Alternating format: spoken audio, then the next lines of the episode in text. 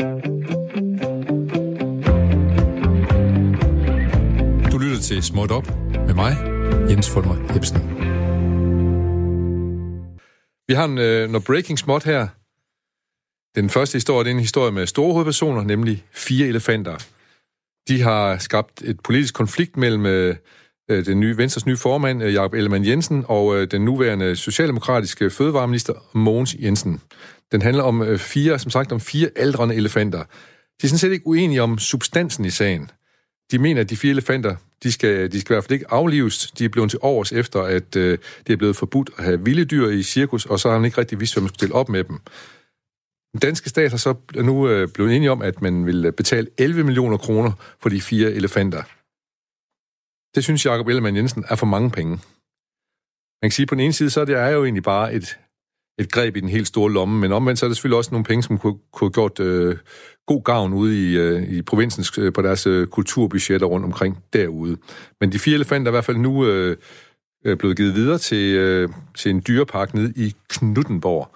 Fordi man slår jo ikke dyr ihjel, som man har set i Disney-filmer, man har siddet og grædt over. Vi kan godt slå køer ihjel, vi kan godt slå en sild ihjel, vi kan godt slå en myg ihjel, men elefanter, dem slår vi ikke ihjel. Og jeg tænker, at øh, der er ikke mange rettigheder, øh, øh, menneskerettigheder eller dyrerettigheder for, øh, for køer og myg og for, øh, for sild. Men det er godt, at vi har menneskerettigheder, der garanterer lighed for loven for alle. Man kan ikke uhindre slå mennesker ihjel, der ikke ligner os selv, hverken jøder, rohingya eller for den skyld Nakskovitter, bare fordi de kommer fra Nakskov. Eve Schmidt, professor, øh, Dr. Jur, skrev en lille bitte men en vigtig kommentar i gårdsdagens øh, politikken. Følgende. Da Hitler kom til magten ved et demokratisk valg, måtte der skabes et system, der kunne beskytte det enkelte menneske mod skrupelløse politikere. Ret skulle erstatte magt. I denne stemning blev FN skabt, og konventionerne skrevet. De blev hilst velkommen, ikke mindst af Danmark. Således oplyst siger vi tak til Eva Schmidt. Så er der alle buber-overskrifterne, der har fyldt tabloid pressen de seneste uger. Men er det ikke en stor historie, vil nogen sige? Den fylder meget jo, men det er jo dybest set en lille banal historie om en skilsmisse. Den ene part finder en anden, og de to vil have et barn. Det sker sådan set hver dag. Men hvis man havde buber, så skal man have dyller, og det skal man have med den store krabask. krabask. Hos småt op går vores tanker til de mindste i det her tilfælde, nemlig det kommende barn, hvor det bliver et sundt, glad og velskabt et af slagsen. Endelig så har vi den sidste bitte breaking i dag, nummer 4. Dansk tv-babe i pinligt røvkiks. 20-årige Anne Plejdrups bukser revnede, da hun var i byen, og det afslørede, at hun havde en bar inde inden under bukserne. Heldigvis stod en ven klar til at fotografere uheldet, så Anne kunne lægge billedet op på Instagram, og derefter på Ekstrabladet. Verden ved bedrag sparer historien øh, har en god balle, eller nærmere en god ende.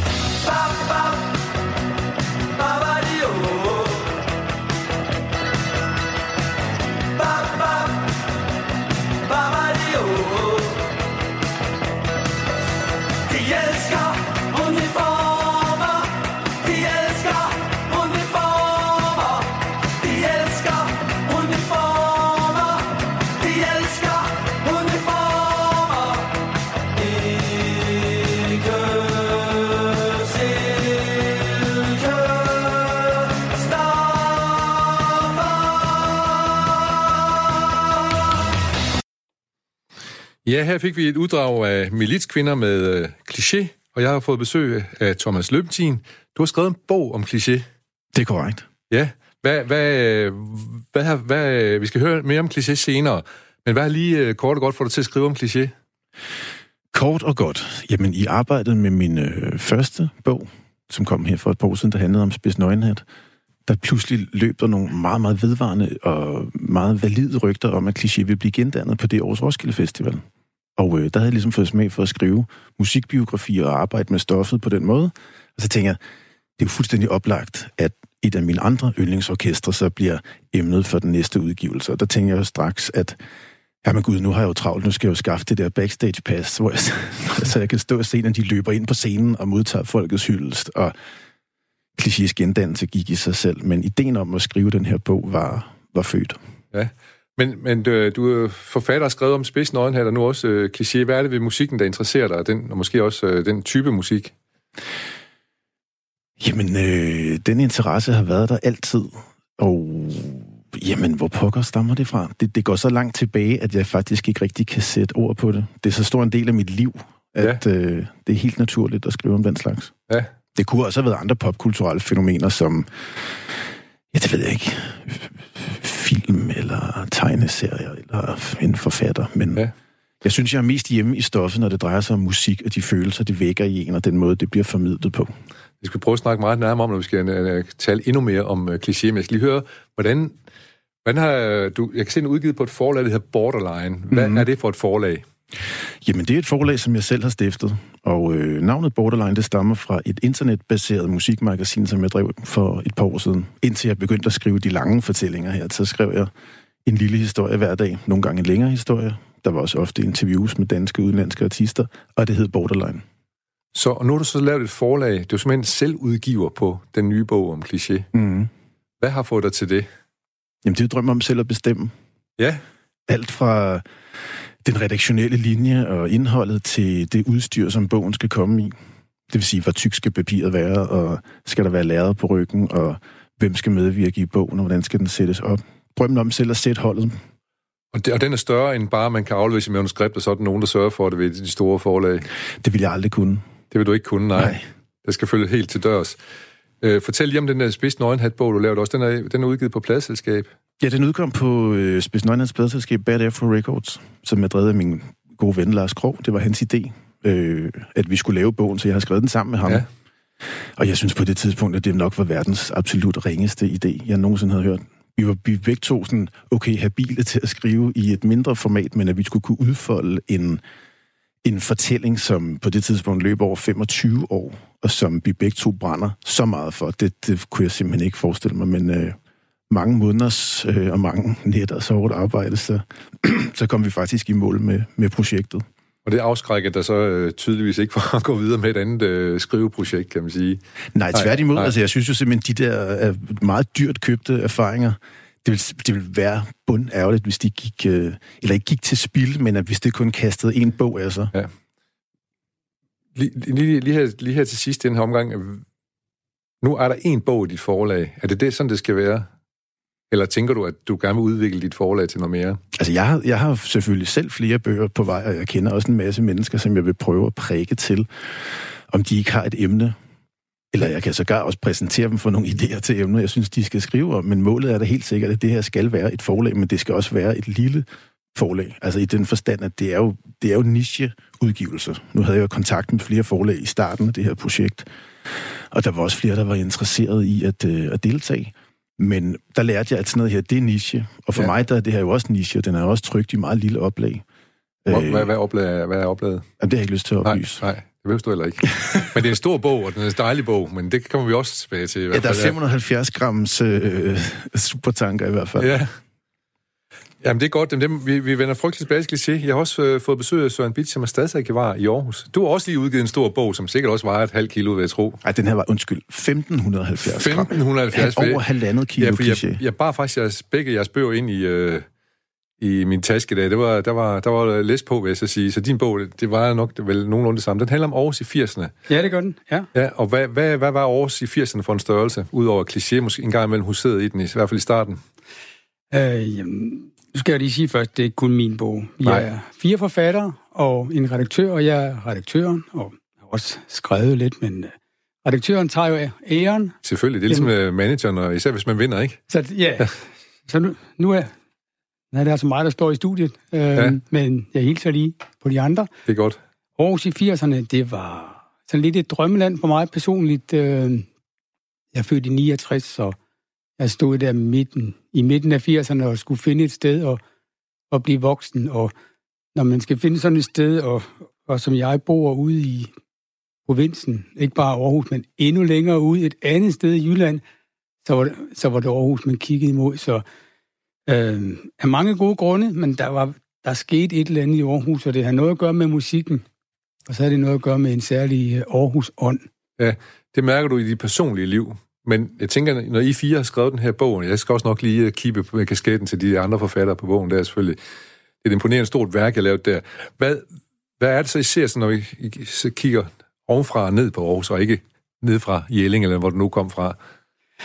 Altså, jeg synes, det er ret tydeligt, at det, der sker i øh, 80'erne i Aarhus, det er, at det Aarhus, vi kender i dag, øh, jamen det er ligesom det, man får støbt fundamentet under i 80'erne. Der bliver, der bliver skabt en Aarhus-ånd, som vi øh, stadigvæk er smidt i dag, eller besjæl i dag. Øh, for det første så vokser Aarhus i 80'erne, og alle andre større byer, de går tilbage. Men Aarhus vokser det ikke særlig meget, men, men altså nok til, at man ligesom holder fast i, at det her det er en by, hvor der sker noget. Øh, og det, der sker, når vi sådan står her mange år efter og kan kigge tilbage, det er, at vi kan se, at der sker en, øh, en øh, sammensmeltning af et meget driftigt øh, øh, forretningsliv, øh, en driftig IT-sektor og et kulturliv, som bliver Aarhus' varemærke. Øh, så mange af de kræfter, som, øh, som stadigvæk er vigtige i Aarhus, øh, de finder ligesom sammen, eller de begynder at røre på sig i 80'erne. Ja, og borgmesteren dengang, var det, var det, var det Orla, eller var det, øh, var det Torkel Simonsen? Det er Torkel. Det er Torkel, det er Torkel, til det, ja, det må man sige. Han gjorde også en forskel, ikke?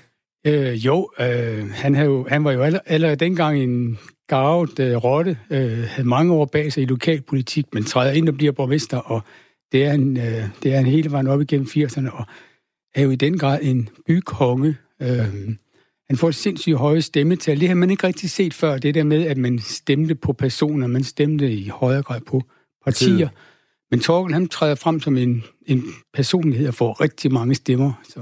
Det med, det, med tegner han jo også en, en tendens, som er kommet i tiden siden, hvor man siger, ikke? Hvor, hvor, hvor det næsten er sådan en præsidentvalgkamp. Selv borgmestervalget i Aarhus er næsten blevet en præsidentvalgkamp, ikke mellem Louise Gade mod Nikolaj Vammen og sådan ja, noget, ikke? Ja, ja. Øh, ja, men han havde ikke nogen modkandidater, kan man sige. Nej. Der var ikke nogen, der sådan for alvor troede ham, øh, så det var ikke på den måde et, øh, hvad skal man sige, skarpt øh, kapløb. Men, Nej. Men det er rigtigt nok, at, at han kommer ligesom til okay, nu stemmer vi på borgmesteren, og det gør man jo stadigvæk i Aarhus. Det må altså, man sige. Ja, Jakob Bundsgaard ja. får pænt mange personlige stemmer. Rigtig, rigtig mange. Ja. Men, øh, men Aarhus har været socialdemokratisk, bortset lige fra en enkelt pip der, som, som jeg lige nævnte Louise Gade før. Ja. Ikke? Øh, hvad, hvad, hvad det betyder for byen? Er det en arbejderby, eller hvad? Det er jo mere Aalborg, man forbinder med arbejderby, ikke Aarhus? Ja, Aarhus er ikke nogen arbejderby Nej. som sådan, og det var den heller ikke i 80'erne. Det var den måske i 50'erne, 60'erne, men så begynder det jo langsomt at skifte. Øh, nej, men det er en by med en masse offentligt ansatte. Ja. det er der stadigvæk men, i Aarhus. Og, og rigtig mange unge også, ikke? Og rigtig mange unge.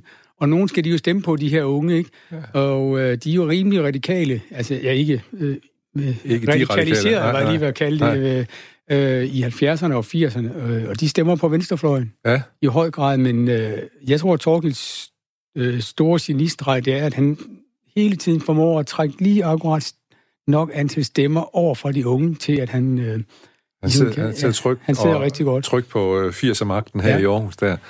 Øhm, hvordan, du har lavet, eller I har så lavet, skal jeg så sige, en bog om 50'erne, 60'erne, 70'erne og nu også 80'erne. Men man kan vel ikke dele historien op i årtier? Hvad, hvilke problemstillinger har I, når I skal lave sådan nogle opdelinger? Øh, nej, men det kan man jo faktisk godt, fordi man kan jo dele... Ej, I har jo gjort det, kan man sige. Ja, ja altså vi har gjort det, men øh, man kan jo lave nogle no, sådan næsten vilkårlige opdelinger af, af historien. Så skal man jo bare spørge sig selv, om det giver mening. Øh, Øhm, og det gør det jo ikke i situationen. Altså vi går ikke rundt nu og føler, at vi, vi lever i et årti, og det definerer alt, hvad vi laver. Vi lever lige præcis i det her årti. Men når vi begynder at lave historieskrivning, så begynder vi jo med det samme sådan at skabe nogle rammer for, hvordan vi fortæller om det. Ikke? 60'erne og 70'erne og 80'erne. Altså, det er sådan noget, vi vender tilbage til som en ramme om vores fortælling.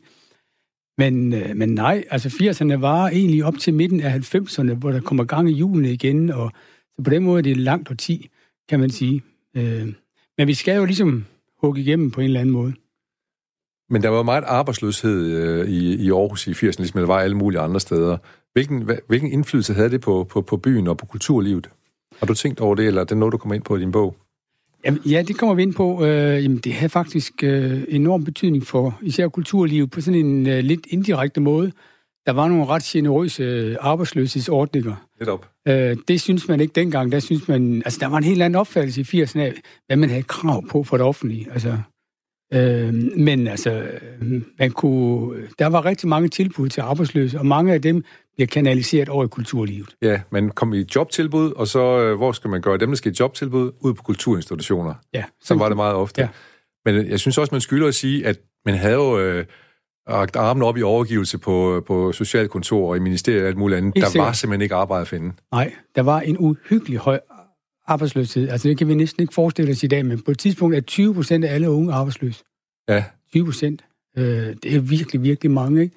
men så er det jo meget fornuftigt at sætte dem ind i øh, nogle kulturinstitutioner og sådan noget. Øh, Ja, ja. ja øh, fordi de blomstrede i hvert fald, jeg kan huske det selv, altså... Øh, Altså musiklivet fik jo et ordentligt boost af, der var, øh, at folk holdt sig aktive hele tiden, og nysgerrige, og når der sker noget der, og de laver noget der, vi laver noget der, og sådan noget, og så, øh, så sådan bestøder man hinanden, kan man sige.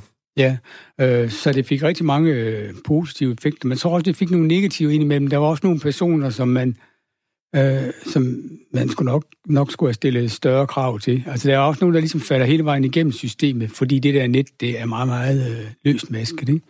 Ja. Så, så det, ja. Men, men, men hvad skete der med dem? Jamen, dem møder vi op i 80'erne, øh, kan man, eller undskyld, Øh, 90'erne? ja, øh, hvor de ikke har det så godt. Ja. Og det er jo ikke noget, vi ligesom har. Det, det, det, Det er ikke et spor, vi har fulgt endnu, men jeg tror, der er personer, som falder lidt hårdt igennem det. Ja. Ja. Men, men en af dem, som faldt øh, ret hårdt igennem på det tidspunkt, det var jo Jakob Havgård. Ja, men det er jo også en, der dengang rejser sig igen, ja. ikke? Altså, ham har vi selvfølgelig også med i bogen. Øh, Ja. Øh, et billede, hvor han står øh, meget træt og lidt storsvedende og, og takker sine vælgere for, at øh, han har opnået Ja. et godt valg. Og det er da et pænt billede af ham, garanteret, ikke? Øh, ja, vi har været søde ved ham. Vi har ja. taget et rigtig pænt billede af Jacob Havgård. Øh, men han er jo en af dem, som begynder at vise sig i, øh, i Aarhus. Det har han sådan set gjort længe, men der har han været sådan lidt en subkultur. Men han, i løbet af 80'erne, så bliver han en øh, mainstream-figur. Og det ender så op i 90'erne med, at han opnår det her enorme valg til Ja. Folketinget. Ikke? Jo, jo. Også øh, får sine, sine hits med øh, Kim Larsen-hitsen og sådan noget der. Er vel også der omkring, at øh, det kommer. Men han rendte jo rundt i, i, i underbukser, helst i randstenene, og, ja. Og helst øh, godt brugte underbukser og den slags ting, og spillede sin musik. Men han var måske den første, der sang med sin helt egen stemme. Han forsøgte ikke at efterligne andre forbilleder. Øh, nej, måske minder han lidt om Bamses venner, jeg ved ikke. Øh, Ja, ja men altså, fordi altså, det her med, at man ligesom bare spiller sin musik, og det skammer man sig ikke over. Nej. Og, øh, og det vinder jo folks hjerter et eller andet sted. Måske lidt ligesom kliché, som vi nok skal snakke. anden, I en anden boldgade. Ja, ja, ja. Ja, men vi skal lige prøve at høre, vi, skal, vi har nemlig uh, Helle Ryshold igennem, som uh, var meget aktiv i den periode inde her på musikområdet, så jeg skal lige hende til at fortælle lidt om, hvad det egentlig var for en uh, tid, man, uh, når man nu gik rundt nede midt i den. Helle Rysholdt, Ja, hej du. hej. Er du klar til at give os lige uh, fem kompakte minutter omkring, hvad Aarhus var for en størrelse i slut 70'erne og 80'erne? Fordi jeg opdagede pludselig, da jeg fik fat i Wormguns første plade, Lars Muls band, at der havde du skrevet bagsideteksterne på den, så tænkte og så talte vi i går, og så har du været meget involveret i alt muligt, der foregik dengang. Fortæl lige om, hvad, hvad det var for en, en, en tid, og hvad, hvad, du, var- hvad det var, du var involveret i. Jo, men altså, jeg, jeg kom ligesom på banen. Altså, jeg er jo Aarhusianer og født og opvokset her, og dengang i 70'erne, der begyndte man jo ret væk at gå i byen, når man var en 14-15 år, i hvert fald på spillestederne, Ja. som det, på det tidspunkt jo kun var jazz, øh, hvad hedder det, tagskægget, øh, hen i chokoladefabrikken, Ja, ikke? Og ja. øh, Vestergade Og, 58. Vester, ja. og, og fælles, for, fælles for begge steder var, at musikken startede i Aarhus aldrig før efter klokken midnat, vel? Nej, og så var man heldig. Ja. altså, midnat, så begyndte man lidt at tænke på det. Altså senere blev jeg jo, startede jeg jo train op i sin tid, og øh, der havde jeg det sådan, nej, nu kan det fandme være nok, nu starter koncerterne klokken halv ti, og jeg ved, det tog os et års tid med massive klager fra publikum, fordi ganske vist havde de købt en billet, og der stod, at koncerten starter halv ti, Ja. ja. men folk kom jo ikke, før koncerten var slut det første års Nej. tid, for det var vi bare slet, slet, slet ikke vant til. Nej. Det var sådan, man Ja. skulle lige se fjernsyn færdig og holde lidt fester, og så byggede man op sådan ved halv et. Skal du billige øl, inden vi skulle ind betale for dem, jo, ikke? Jo, jo, selvfølgelig. men fortæl lige... Men, men man kan sige, at i hvert fald så var øh, indtil sådan midt 70'erne, der kom hele punkbølgen jo. Ja, det gjorde den. Med fuld øh, knald på, Med- og den kom jo også til at præge øh, musikmiljøet og scenerne og, ja. og i det hele taget alt sådan kulturaktivitet for Ja, yngre her, ja, her og- i byen. ikke? Og, og det fik også, øh, de fik jo faktisk et blad, som du var med til at lave, det hed DB 110, ikke, som ligesom samlede øh, den, den nye bølge, der kom. Hvad var det for en bølge, og hvad var det for et blad? Jamen, øh, DB110, det var sådan set et meget undseligt lille blad, fordi det var jo noget, vi lavede. Jeg lavede det blandt andet med Anders Rov, som var anmelder på Information på det tidspunkt, og Al Jones, som øh, var, var meget inden for verdensmusik, som også var et nyt begreb på det tidspunkt. Det var sådan primært reggae, man bevægede sig rundt omkring der, men det var jo verdensmusik på en eller anden led, ikke? Mhm. Og vi, øh, vi havde jo, var der, var der et musikmagasin, der hed MM, det må du kunne huske for Det kan du tro, jeg kan. Ja, ja, ja, ja. Jørgen Gæsted. Ja. Ja, lige nøjagtigt, ikke? Og det var jo simpelthen det ledende musikmagasin på det tidspunkt, men de tog jo stor afstand fra Sex Pistols og Lost Kids og, og alle de der ting, vi andre lige pludselig synes var vildt spændende. Så derfor var der et hul. Der var ikke nogen, der gad at skrive om det her. Anders han skrev lidt om det i information, men ellers så var der ikke rigtigt. Så vi var en 4-5 stykker, der satte os sammen og sagde, at vi skal fandme øh, lave et blad om lige nøjagtigt den her bevægelse, og det må også godt være tilpas øh, halmet, fordi sådan var det jo også, ja. at det var protest og ned i, og øh, håret stod op. Jamen, og, ja, det, var vel, det var vel punk på alle mulige måder, ikke? Eller hvad man skal sige. Ja. jo, det, Ja. jo, Ja. var det, og det, og det var jo også stort i Aarhus, kan man sige, fordi vi havde jo allerede der i 70'erne og starten af 80'erne et rigtig, rigtig solidt øh, musikmiljø i byen. Ja. Øh, Thomas Helmi var rigtig ung dengang, og der var Anne Linnet og Shit og Chanel, og der var Knacks, og der ja, var genlyd, alle ja, ja, ja. Sådan, øh, relativt store danske musiknavne på det tidspunkt, men de var jo slet ikke med på det her. Nej, Derfor så var vi jo sådan nogle nye, hvor Lost Kids, Cliché, der var nogen, der hed Slim. Der var sådan en hel, hel undergrund. Gylde? af- og gylde. Ja, altså, der var jo et, et hav af. Men der var jo også på den internationale scene et hav af dem. Ikke? Så det var det, vi lavede det der blad for ligesom at tage fat i den bølge. Den Der. Ja. kultur. Fordi ja. de andre, jeg kan godt huske at have stået til nogle af Lost Kids, Jan Jets første koncerter på Vestergade, og så stod Anne Lindes og Peter A.G.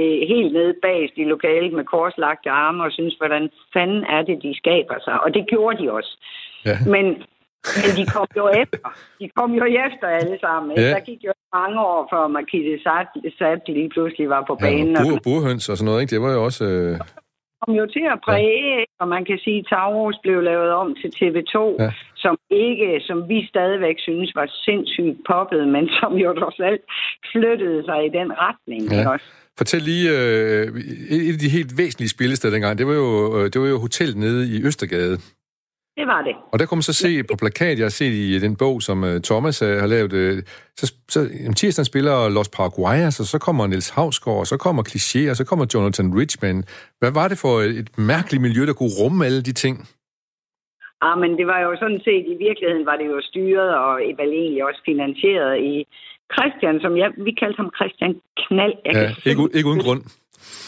Ham, der senere blev, var, var det Ringsted Ja, ja, det var så, ja, ja.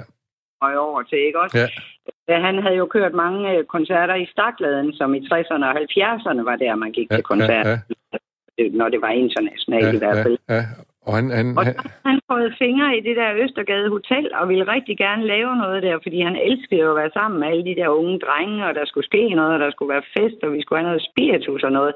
Men han havde ikke en skid forstand på musik, så han kunne jo finde på at spørge os, hvad jeg kan få Elvis Presley eller John Rotten, hvem skal jeg tage? ja. Altså, Og det, så og, på og, den og, måde, vi det, jo det har kom de svar på. præge, Ja, ikke? Vi kunne Ja. jo sige, at vi skal have dit, Ja. og vi skal have dat, og det var en vild tid. Jeg kan Ja. huske en koncert dernede, og det tror jeg faktisk var med Cliché og Lost Kids og nogle andre, hvor der pludselig var skyderier, og jeg ved ikke hvad. Altså, folk var fandme vilde. ja. Det var, det var lidt vildt, men, men der var jo også nogen i miljøet, der gjorde alt, hvad de kunne for at blive vilde. Fordi nu skulle det... Netop, det var, det var, det var ligesom et emblem, at man kunne tage på sig. Fortæl lige, du havde, du havde kontor nede under, under Clichés øvelokale.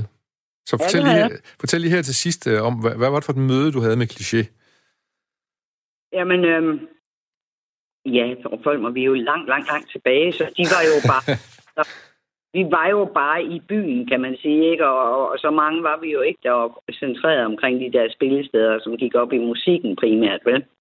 Nej. Så lige pludselig kom Lars jo øh, til byen for at gå på kunstakademiet, mener jeg. Øh, og der gik Johannes ned, Jos. Ja. Og så fandt de hinanden, og de var jo, kan man sige, øh, det var jo ikke kun protesten. Altså for dem handlede det også rigtig meget om kunsten. Ja. Og om at skabe ikke bare noget, der larmede, men noget, der sådan ligesom pegede et eller andet sted hen. Altså noget, der var dybere og mere gennemarbejdet og meget mere kunstnerisk i virkeligheden. Ikke? Ja. Og, og det lagde de meget, meget vægt på. Både øh, udtryksmæssigt, og jeg kan huske, når vi gik og trykte vores blade og sådan noget, så kunne man høre deroppe, Nå, nu går de og baller på alle vandrørene, eller nu er det træ, de prøver at høre, hvordan lyder det, hvis vi gør sådan og sådan. Altså, de eksperimenterede rigtig, rigtig meget med deres ting, og var jo i virkeligheden meget stramme omkring deres ting Ja. i forhold til mange af en, en, en disciplin til stede. Men det skal jeg nemlig høre Thomas fortælle en hel masse om nu, fordi han har skrevet en rigtig fed bog dejligt. omkring kliché. Men øh, tak for det her lille blik ind i øh, slut 70'erne og begyndelsen af 80'erne, Helle. Yes. Vi Det er tales godt, ved. jeg kan stadig huske det. Ja, det er godt. tak skal du have. Hej, hej. Nå, Thomas, hvad er, hvem er de her kliché? Hvad, hvad var det, de kunne, som gør, at du begyndte at interessere dig for dem? Jamen, jeg begyndte at interessere mig for kliché, fordi jeg tror altid, jeg har tændt meget på musik, som måske ikke var så midtersøgende. Altså, jeg elsker selvfølgelig, som dreng elsker jeg også poppen i radioen, men, men hver gang der var et eller andet, som enten blev udskældt, eller så sindssygt ud, eller havde et, et andet udtryk, så tror jeg egentlig, jeg har været draget af det. Ja. Og det er sådan, jeg opdager Lars Hug faktisk til at starte med, fordi da han udgav den plade, der hed Copy, Ja, i, øh, i 89, som jo sådan set blev et, et meget fint, øh, sådan middle of the road, stort hit. Så, så var sådan den gængse opfattelse af ham, det var, åh, nu kommer ham der, den krukkede, som ødelægger alle de gode gamle danske sange. ja. Og det synes jeg jo ikke, han gjorde. Nej, det gjorde han ikke. Det synes jeg ikke. Jeg synes, han tog noget, der eksisterede, ja. og så gjorde han det til sit eget. Ja, og han fik også en stor succes med det, faktisk, ikke? Jo, bestemt. Ja. Altså, den solgte jo en tiende del af, hvad Kim Larsen og ja, Anne Lene, ja. dem vi nævner Ja. nu. Ikke? Ja. Men stadigvæk inden for, inden for rammen, så, så var det ret godt ramt. Ja, Og så sker der altid det, når man så møder en ny kunstner, uanset hvor gammel man er, så bliver man nysgerrig, så begynder man at grave stille og roligt tilbage. Og så på et eller andet tidspunkt, så opdagede jeg, at han havde spillet i noget, der hed Cliché. ja. Og så hørte jeg det. Ja, fordi du var faktisk en helt anden tid end kliché, kan man sige. Ja, altså, da de spiller deres afskedskoncert, der sidder jeg og ser Rock for Afrika, og, og kan jo ikke huske, at jeg har set dem. Nej, Altså, nej, nej, det- det, var, de, der- de var faktisk med i den koncert, ikke? Jo, præcis. Ja. Det, er jo deres, det er jo der, de afslutter Slutter, deres ja, karriere. Ja. Ikke? Så, så jeg jo- Nej, de har ikke været i vælten på noget tidspunkt, mens jeg kan huske det Nej. overhovedet. Øh, men hvad er så, du opdager det? Så finder du formodentlig de to første, eller to eneste mm-hmm. Mhm. plader med dem frem. Hvad, hvad er det, du opdager der? Hvad, hvad, hvad taler til dig? Det er, det er et udtryk, som på en måde fusionerer en masse af de ting, som jeg var helt vildt op at ringe over, da jeg lige præcis havde den alder, Ja. da jeg mødte det her. Ja, Det ligger jo i meget forlængelse af det Helle, hun siger før, med det, hvorfor de blev inspireret til at lave DB110 i virkeligheden. ja, Fordi det, som kliché går ind og, og er inspireret af, er noget, som jeg lige så småt er ved at nærme mig på det her tidspunkt. Og så er det det med, at det er lidt en hemmelighed, fordi i dag så er der ingen tvivl om, at Supertanker er en legendarisk ja. dansk Ja. rockplade. Men på det her tidspunkt i starten af 90'erne, da jeg hørte den Ja. første gang, der har den jo ikke været genoptrykt i overvis. Den står ikke længere i pladebutikkerne, selvom altså alle gasolinpladerne står der. Kim Larsen-plader, Klart. altså du kan få alt, Klart. men du kan Ja. ikke få kliché. og det er også en del af attraktionen, det var hemmeligt måske i virkeligheden. Bestemt. Ja. Var det, var det, var det hemmeligt for dig, kliché i uh, Jelling? Nej, det var det ikke. øh, Men det var sådan noget mystisk noget, man øh, en sjældent gang så i et ungdomsprogram på tv. Sådan noget. Det var ikke, øh, det var på ingen måde mainstream, men det var helt klart, hvad skal man sige, øh, øh, en, en klar budbringer fra, øh, fra det, der skete oppe i Aarhus. Altså, Ja. Ja. Du, den her, din bog, den er jo den er bygget op omkring interviews med alle dem, der har været impliceret i det. Mm. Hvor lang tid har du brugt på det, og hvordan har, hvordan har det været at samle op på alle de ting, der jeg går ud fra? Det er ikke noget, du laver over, en eftermiddag. Ej, det har taget et par år. Ja, Øh, og, der, og projektet har ligget stille øh, et halvt års tid undervejs. ja, Fordi jeg simpelthen lige skulle sunde mig. Der skete nogle ting i, i processen, som Ja. gjorde, at jeg skulle lige gentænke det. Og så ja. vendte jeg tilbage, og så vendte jeg ligesom det hele om. Og, nu, og så fik historien den form, som den har nu. ja. Øh, så, så man kan sige, jeg troede jo, at jeg som fan vidste alt om det her orkester. Jeg troede, jeg vidste alt om, hvordan det foregik. Jeg vidste, jeg, jeg vidste præcis, hvordan de blev dannet. Jeg vidste, hvordan de skrev sangene. hvordan de blev indspillet med, og jeg vidste selvfølgelig også alle de der konflikter og sådan nogle ting, og det viste sig, at der var, først var der 10 små æsker mere, som jeg skulle åbne, og så ned i dem, så lå der jo simpelthen den ene øh, mærkelige oplysning og anekdote efter den anden, og en ny person, jeg skulle have fat i, og så det har været, det har været et kæmpe arbejde. Et gravearbejde, du må et have kæmpe lavet. gravearbejde, ja. Men det må du også kende, Søren, at lave en bog om historiske bøger. Så graver du vel også og opdager, hov, der var sgu noget nede under den sten, og så videre der. Ja, altså noget af det, som vi gerne vil med den her bogserie, det er egentlig at, at, at komme lidt bag om historierne og få nogle nye historier frem for. Altså, øh, fordi det, der sker med, øh, med tiden, kan man sige, det er, at nogen taler ligesom højst, og det er dem, der begynder at fortælle historier først. Og så er det med tiden de eneste historier, vi kan huske. Ja. Øh, og vi har så gerne vil øh, have fat i det, som jeg kalder de ikke-historiefortællende klasser. Altså dem, der ikke fortæller deres egen historie. Ja, okay, ja, ja. Øhm, men jeg kunne godt tænke mig at spørge dig om ting, Thomas. Mm. Altså nu er du fan Mm. af kliché, Mhm. og jeg er lidt fan af Aarhus. Øhm, sådan kan man sige, ikke? Øh, hvordan undgår du, at det bliver nostalgi og... Øh, Og lovprisning. Og lovprisning, ja. fordi du elsker det jo sikkert, ikke? Mm. Det gør jeg. Hvordan finder du den indre kritiker frem? Synes jeg er svært. Jamen, min bog er bygget op som det, jeg har valgt at kalde for en kommenteret oral history. Det vil sige, at de medvirkende får lov at fortælle historien. Det er nogle lange citatbidder, eller nogle korte, det kan det også være. Min rolle er at binde det sammen. Jeg tager ikke stilling til det, de siger. Det er klart, at mange af spørgsmål, eller meget af det, de svarer, er jo med ført hånd, fordi jeg har spurgt dem om en begivenhed, eller hvad synes du egentlig om den plade, eller hvordan, hvad var I inspireret af? Så jeg leder dem i en eller anden retning, så på den måde så medvirker jeg jo ikke selv. Men, men du redigerer næsten i spørgsmål, kan man sige, ikke lidt? Jo, ja, det er mig, der sætter dem Ja, op. ja, ja. Det er mig, der sørger for, hvordan Ja. puslespillet det kommer til at ligge øh, i sidste ende. Ikke? Men det er rigtigt, jeg har også selv tænkt meget over det, men, men jeg lærte det meget, fordi da vi skrev Spis Nøgenhat-bogen, der, der gik jeg jo fra, at det var et band, som aldrig spillede live. Det var historien om dem til, at jeg inden for meget, meget få år, fordi de var blevet gendannet, havde set dem over 20 gange. Og jeg havde arbejdet med det her stof simpelthen så meget. Og der lærte jeg virkelig, det, det nytter ikke noget, at jeg sidder her og skriver, hvor fantastisk noget er, fordi det skal folk nok selv finde ud af. Ja. Altså, enten ved at høre musikken, som mange gudskelov havde gjort på det tidspunkt, se dem live, eller læse bogen. Det er ikke mig som formidler, og det tror jeg også, det vil, det vil meget hurtigt visne. Altså, hvis den har stået fem år på biblioteket, hvad i alverden Thomas Løbentin sagde i 2019 om noget, som var 40 år gammelt, Nå, det har jo ingen værdi. Nej. Men, men øh, så det har egentlig været meget nemt at skrive mig selv ud af det, og, og, og holde, forholde mig forholdsvis, eller faktisk fuldstændig objektivt til det, Ja, der skal. ja. Jeg synes også, at der er jo ting her i denne, jeg ved om det er ikke 40 år gammel, men som er vildt interessant at læse stadigvæk. For eksempel om Joses barndom i, på, i Marcelsborg, hvor han mm. med de elevatorture, hans far tager og sådan noget, ikke? Ja. Og, og som er med til at præge øh, Jos også. Øh, Mm, bestemt. ja.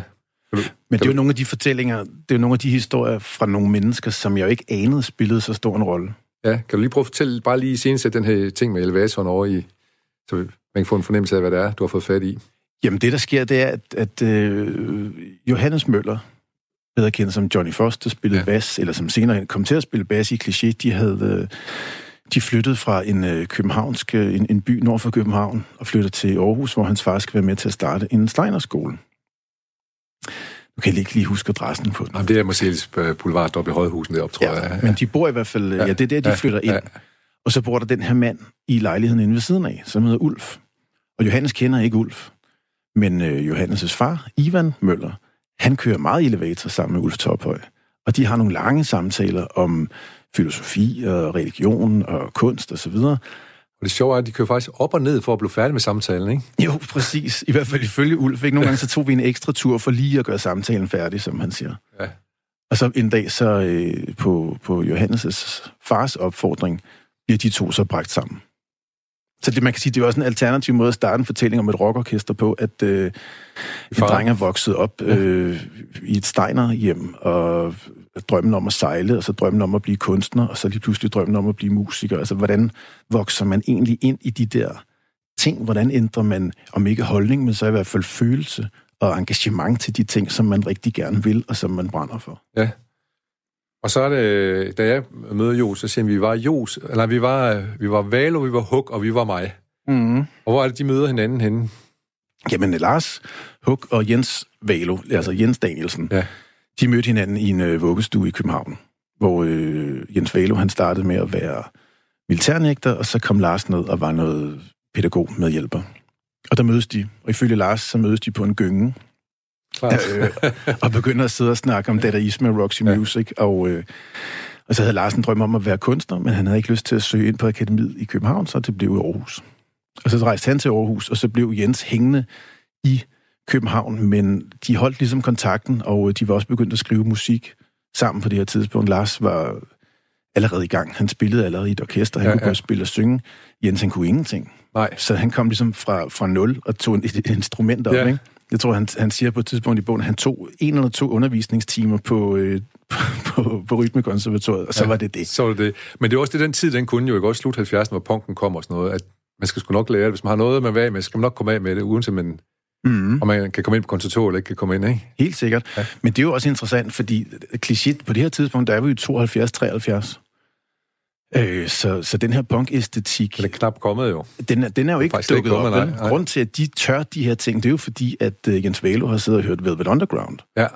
Og, øh, og, ja, og også Roxy, men også Black Sabbath og en, og en masse andre ting, som, man, man, som fylder en med et mod til at sige, det her, det kan jeg sgu godt. Ja. Jeg kan godt, jeg kan godt øh, og det behøver ikke engang blive til et band, det kan også bare blive til en idé, det kan blive til en skitse, det kan blive til et billede, ingen gider at kigge på.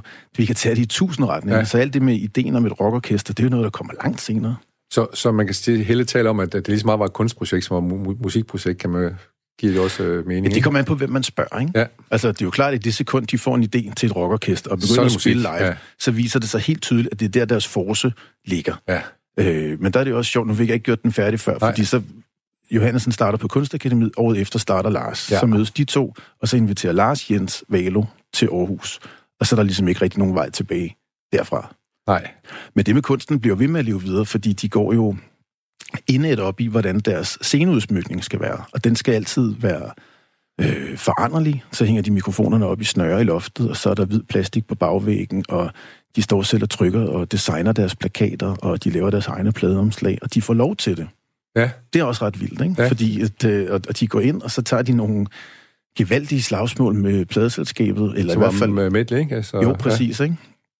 Altså med Paul Brun ved roret, ikke? Altså en af ja. de, måske ja, ja. Den, den største, største spiller på det tidspunkt det overhovedet, ja. går de op imod og siger, at vi vil have det på vores måde. Ja. Og det er jo fuldstændig vanligt. Altså det, men det tror jeg også er den der tro på, at hvis det ikke kan blive på vores måde, så gider vi sgu ikke at spille i et band. Så, øh, så trykker vi en t-shirt, eller, ja. eller går hjem, eller... Ja. Så, så skal det ikke være. Hvorfor skulle vi det? Ikke? Ja. Det er en meget god øh, fanden i voldskede, som jeg også kunne forestille mig, at den, den, øh, den også virker tiltalen om, som unge mm. mennesker og sådan noget, kom, møder det der. Øhm, hvad, hvad, kan du huske, hvordan øh, Kunstakademiet i Aarhus, det var i 80'erne? Var I nej, forbi det på noget tidspunkt? Øh, det er meget gade, ikke? Ja, nej, vi er ikke så meget forbi det. Øh, jeg tror, det, det vi har med, det er måske Lars Hug, faktisk. Eller, så, men det er måske ikke 80'erne, det er slut 70'erne, han går der. Ja, det, det er start 70'erne, ikke? At okay, han er på, ja. og Johannes er på ja. akademiet. Ja. ja. Øh, nej, men, nej, altså vi har selvfølgelig kunstliv med, det er jo klart, øh, men vi forsøger jo at finde mange andre historier, fordi de her kære kunstnere, de er rigtig gode til, til, til deres historie. egen historie. Ja. Så ellers tid, har de Thomas til det, ja. Og ellers har de Thomas til det. øh, så, så de er selvfølgelig med, men vi forsøger ligesom at, at finde, finde den plads, de skal have i den samlede fortælling, ikke? Ja. Øh, fordi vi har jo alle sammen en historie at fortælle, og Øh, og det er den, vi gerne vil ud med. Så, så vi er jo også, altså vi er jo helt inde i almindelige menneskers hjem, og ja, ja, ja, ja. vi er ude i børnehaven ja. og så videre. Så vi, nej, det er ikke en kunstbog det, på den det måde. Det er ikke en kunstbog. Nej, nej, det kan godt være, at der var nogle øh, bølger omkring øh, kunstakademiet, for det er faktisk ikke, det er ikke noget, man lægger særlig meget mærke til øh, kunstakademiet i Aarhus lige nu i hvert fald. Det kan øh, være, der har været nogle perioder tidligere, hvor, hvor det spillede en større mm, rolle. Det har ja. du så helt klart gjort, kan man sige. Altså, vi har selvfølgelig nogle kunstnerfigurer med. Vi har Hans Krul med, og ja. mange andre, ikke? Ja.